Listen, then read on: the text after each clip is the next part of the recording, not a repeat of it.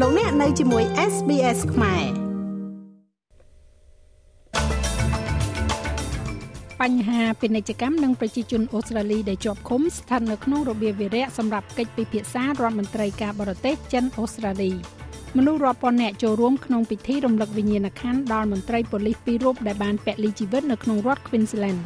លោក Elon Musk មានបំណងចុះចេញពីតំណែងជានាយកប្រតិបត្តិរបស់ Twitter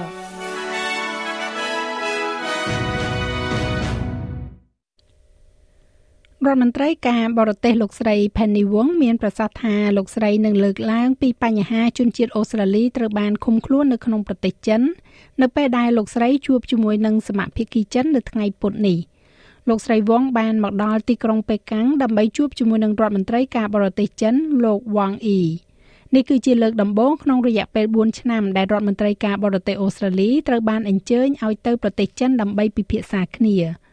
ករណីអ្នកកសែតចេងលីនិងអ្នកសិក្សាយ៉ាងហិនជុនត្រូវបានឃុំខ្លួន បានទទួលការចាប់អារម្មណ៍យ៉ាងខ្លាំងក្នុងពេលថ្មីថ្មីនេះ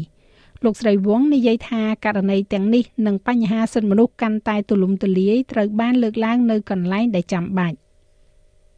Oh look I I'm I, I will continue to advocate for ខ្ញុំនឹងបន្តតស៊ូមតិសម្រាប់ជនជាតិអូស្ត្រាលីដែលជាប់ឃុំដោយដែលខ្ញុំតែងតែធ្វើ អូស្ត្រាលីតែងតែលើកឡើងពីបញ្ហាសិទ្ធិមនុស្សគ្រប់កម្រិតតាមដែលសមស្របបញ្ហាពាណិជ្ជកម្មក៏នឹងបង្ហាញយ៉ាងច្រើននៅក្នុងរបៀបវិរៈសម្រាប់កិច្ចពិភាក្សានេះដែរលោកស្រីវងនិយាយថាវានឹងផ្ដល់ផលប្រយោជន៍ទៅវិញទៅមកសម្រាប់ប្រទេសចិននៅក្នុងការលុបចោលការរឹតបន្តឹងពាណិជ្ជកម្មដែលត្រូវបានដាក់លើការនាំចេញរបស់អូស្ត្រាលីមួយចំនួនចាប់តាំងពីឆ្នាំ2020មក។ មនុស្សរាប់ពាន់នាក់រួមទាំងមេដឹកនាំមកពីគណៈបកនយោបាយទាំងថ្នាក់រដ្ឋនិងសហព័ន្ធបានចូលរួមជាមួយនឹងប៉ូលីសរដ្ឋ Queensland នៅឯពិធីរំលឹកវិញ្ញាណក្ខន្ធរបស់លោកប៉ូលីស Matthew Arnold និង Rachel McCraw ក្នុងទីក្រុង Brisbane អ្នកទាំងពីរត្រូវបានគេបាញ់សម្លាប់នៅផ្ទះមួយខ្នងក្នុងក្រុង Viimbilla ភាគខាងលិចទីក្រុង Brisbane កាលពីសប្តាហ៍មុនអភិបាលរដ្ឋ Queensland លោកស្រី Anastasia Palasai ស្ថិតនៅក្នុងចំណោមវាគ្មិននៅក្នុងសេវាកម្មនេះលោកស្រីមានប្រសាសន៍ថាលោកប៉ូលីស Arnold និង Macraw គឺតំណាងឲ្យគុណតម្លៃដ៏ត្រឹមត្រូវ Any of us would probably say there are limits on what we can ask of each other យើងទាំងអស់គ្នាប្រហែលជានិយាយថាវាមានដែនកំណត់លើអ្វីអ្វីដែលយើងអាចស្នើសុំគ្នាទៅវិញទៅមកបាន មិត្តភ័ក្តិនិងក្រុមគ្រួសារពួកយើងរវល់ពេកមិនអាចទៅជួបគ្នាបានសហគមន៍ដែលយើងលែងមានអារម្មណ៍ថាជាចំណែកមួយពិភពលោកពោពេញទៅដោយកំហឹងការបែកបាក់និងភាពអាក្រក់ពេលខ្លះយើងស្ទើរតែមិនអាចទទួលយកបាន ហើយបន្ទាប់មកមានមនុស្សដូចជា Rachel និង Matthew ដែលរំលឹកយើងទាំងអស់គ្នាថាគំនិតទាំងអស់នោះមិនត្រឹមត្រូវទេបន្ទាប់ពីពិធីគោរពវិញ្ញាណក្ខន្ធជាសាធារណៈនេះនឹងមានពិធីបុណ្យសពឯកជនសម្រាប់មន្ត្រីទាំងពីរផងដែររដ្ឋាភិបាលនៃដែនដីរាជធានីអូស្ត្រាលី ACT កំពុងតែបើកការស៊ើបអង្កេតឯករាជ្យមួយទៅលើការចាត់ចែងការកាត់ទោសក្នុងករណីរបស់អ្នកនាង Brittany Higgins អ្នកនាង Higgins អតីតបុគ្គលិករដ្ឋាភិបាលសហព័ន្ធបានចោទប្រកាន់អតីតសហសេវកគឺលោក Bruce Lerman ថាបានរំលោភផ្លូវភេទនាងនៅក្នុងសភាក្នុងឆ្នាំ2019ការកាត់ក្តីលើកដំបូងរបស់លោក Lerman ត្រូវបានរំខានដោយសារការប្រព្រឹត្តខុសរបស់គណៈវិនិច្ឆ័យហើយលើកទី2មិនបានបន្តដោយសារតែការព្រួយបារម្ភអំពីសុខភាពផ្លូវចិត្តរបស់អ្នកនាង Higgins ការស៊ើបអង្កេតនេះនឹងមានអំណាចយ៉ាងទូលំទូលាយរួមទាំងអាចបង្ខំសាក្សីឲ្យផ្ដល់សក្ខីកម្មក្រោមពាក្យសម្បត្តិមានការព្រួយបារម្ភពីការមិនចោះសម្រុងគ្នារវាងប្រធានអាយកាសាធារណៈនិងប៉ូលីសដែនដីជំវិញករណីនេះលោក Sam Rattenbury អគ្គមេធាវីនៃដែនដី ACT មានប្រសាសន៍ថាលោកសង្ឃឹមថាការស៊ើបអង្កេតអាចជំរះនៅរាល់បញ្ហានៅក្នុងរឿងនេះ Director of Public Prosecutions and ACT Policing work together literally every នាយកអាយកាសាធារណៈនិងប៉ូលីស ACT ធ្វើការជាមួយគ្នាជារៀងរាល់ថ្ងៃពួកគេមានទំនាក់ទំនងយូរអង្វែងនិងបន្តទៅមុខទៀតហើយច្បាស់ណាស់ការចោទប្រកាន់ទាំងនេះគឺគួរឲ្យបារម្ភខ្លាំងណាស់នៅក្នុងលក្ខខណ្ឌនៃទំនាក់ទំនងនោះ ខ្ញុំសង្ឃឹមថាបញ្ហានេះមិនប៉ះពាល់ដល់ទំនាក់ទំនងដ៏ទូលំទូលាយនោះទេប៉ុន្តែនោះជាផ្នែកមួយនៃហេតុផលដែលយើងកំពុងបង្កើតការស៊ើបអង្កេតនេះគឺដើម្បីធានាថាកន្លែងដែលការចោទប្រកាន់ទាំងនោះនិងចំណុចប្រេះស្រាំទាំងនេះត្រូវបានបង្ហាញឡើង មានវេទិកាឯករាជ្យមួយដើម្បីស៊ើបស៊ើបអង្កេតពួកគេនិងធ្វើការសន្និដ្ឋានដែលអាចនាំឲ្យមានកិច្ចសហប្រតិបត្តិការកាន់តែប្រសើរឡើងរវាងភាគីទាំងពីរទម្លាប់នៃការចាយវាយរបស់ប្រជាជនអូស្ត្រាលីនៅក្នុងរដូវកាលបុណ្យណូអែលនេះកំពុងរងផលប៉ះពាល់ដោយសារតែការព្រួយបារម្ភដែលកំពុងតែរីករាលដាលនាពេលបច្ចុប្បន្នអំពីថ្លៃចំណាយក្នុងការរស់នៅ។ធនាគារ NAB រំពឹងថាការចំណាយបុណ្យណូអែលនឹងកើនឡើងដល់កំពូល2ថ្ងៃមុនថ្ងៃបុណ្យណូអែលនេះ ធនាគារនេះនិយាយថាទិន្នន័យរបស់ខ្លួនបានបង្ហាញថាប្រជាជនអូស្ត្រាលីអាចចំណាយ400លានដុល្លារនៅចន្លោះពីថ្ងៃត្រង់រហូតដល់ម៉ោង1រសៀលនៅថ្ងៃសុក្រទី23ធ្នូនេះនិងចំនួន4800លានដុល្លារជាសរុបនៅថ្ងៃនោះ។ប៉ុន្តែនាយកប្រតិបត្តិលោកស្រីខាលីយ៉ាងនិយាយថាប្រហែលជា50%នៃប្រជាជនកំពុងតែកែតម្រូវការចំណាយរបស់ពួកគេ Yeah, we know people are still spending, but wanting to are changing their spending. មែនហើយយើងដឹងថាប្រជាជននៅតែចាយប៉ុន្តែម្នាក់ក្នុងចំណោម2នាក់កំពុងតែផ្លាស់ប្ដូរទម្លាប់នៃការចាយវាយរបស់ពួកគេហើយគិតគូរច្រើនអំពីរបៀបដែលពួកគេគួរចាយ ដូច្នេះមនុស្សជាច្រើននឹងធ្វើការផ្លាស់ប្ដូរតិចតួចនៅក្នុងការរៀបចំថ្ងៃបុណ្យណូអែលរបស់ពួកគេដោយដឹងថាតើពួកគេនឹងចង់ទិញអំណោយឬថាពួកគេគឺជាអ្នកទទួលភ្ញៀវដោយការរៀបចំអាហារថ្ងៃត្រង់បុណ្យណូអែលហើយត្រូវត្រៀមថវិកា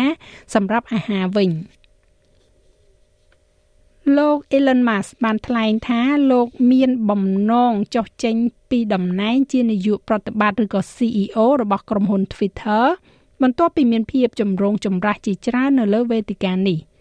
លោកម៉ាសបានបង្ហោះសារនៅថ្ងៃនេះថាលោកនឹងលាលែងពីតួនាទីនេះភ្លាមនៅពេលដែលលោកអាចស្វែងរកមនុស្សដែល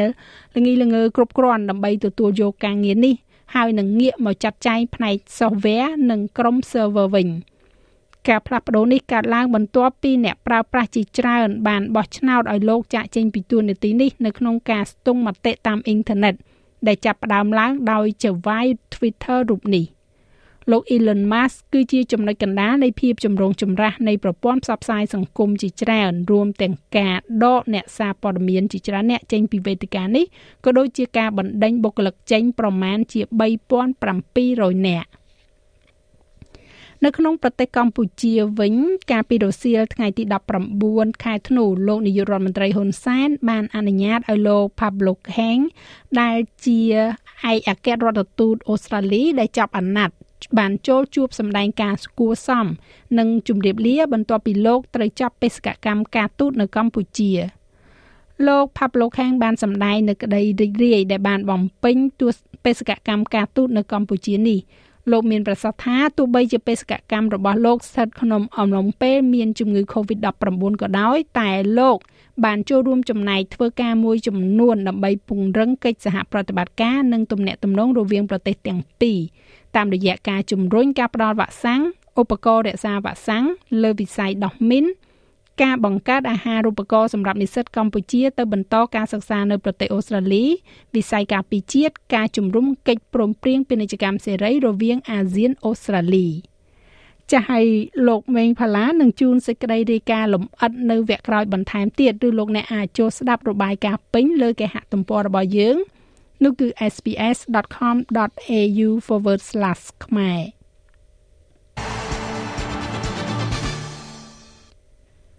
មនុស្សជាង4លាននាក់បានធ្វើដំណើរនៅតាមដងផ្លូវនៅទីក្រុង Buenos Aires ដើម្បីស្វាគមន៍ក្រុមបាល់ទាត់ម្ចាស់ជើងឯកពិភពលោកអាហ្សង់ទីន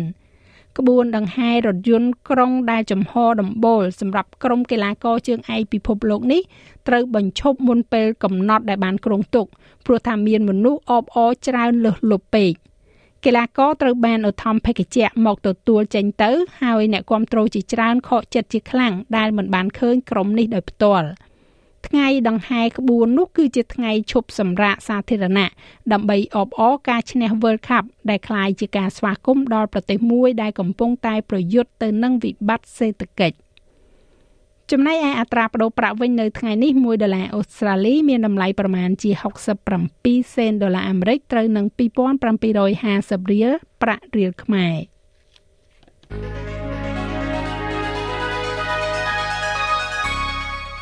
ឥឡូវយើងក៏លេខមកមើលការព្យាករណ៍អាកាសធាតុសម្រាប់ថ្ងៃប្រហ័សស្អែកនេះវិញ ទីក្រុងផឺតភាគច្រើនបើកថ្ងៃ36អង្សា ស្រដៀងគ្នានេះដែរនៅអាដាលេដ24អង្សា មានរលឹមអាចនឹងមានព្យុះនៅ Melbourne 27អង្សា នៅ Hobart មានពពកដោយពេល22អង្សា Canberra រលឹមបន្តិចបន្តួច21អង្សា ទីក្រុង Sydney ស្រដៀងគ្នានេះ25អង្សា នៅ Brisbane មានពពកដោយពេល28អង្សារលឹមបន្តិចបន្តួចនៅ Cairns 31អង្សា មានរលឹមនៅ Darwin 31អង្សាដូចគ្នា និងមានពពកដោយពេលនៅទីក្រុងភ្នំពេញ 32អង្សា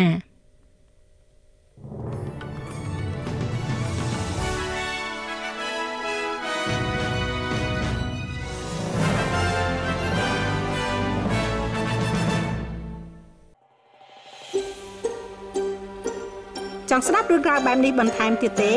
ស្ដាប់នៅលើ Apple Podcast Google Podcast Spotify ឬកម្មវិធីដទៃទៀតដែលលោកអ្នកមាន។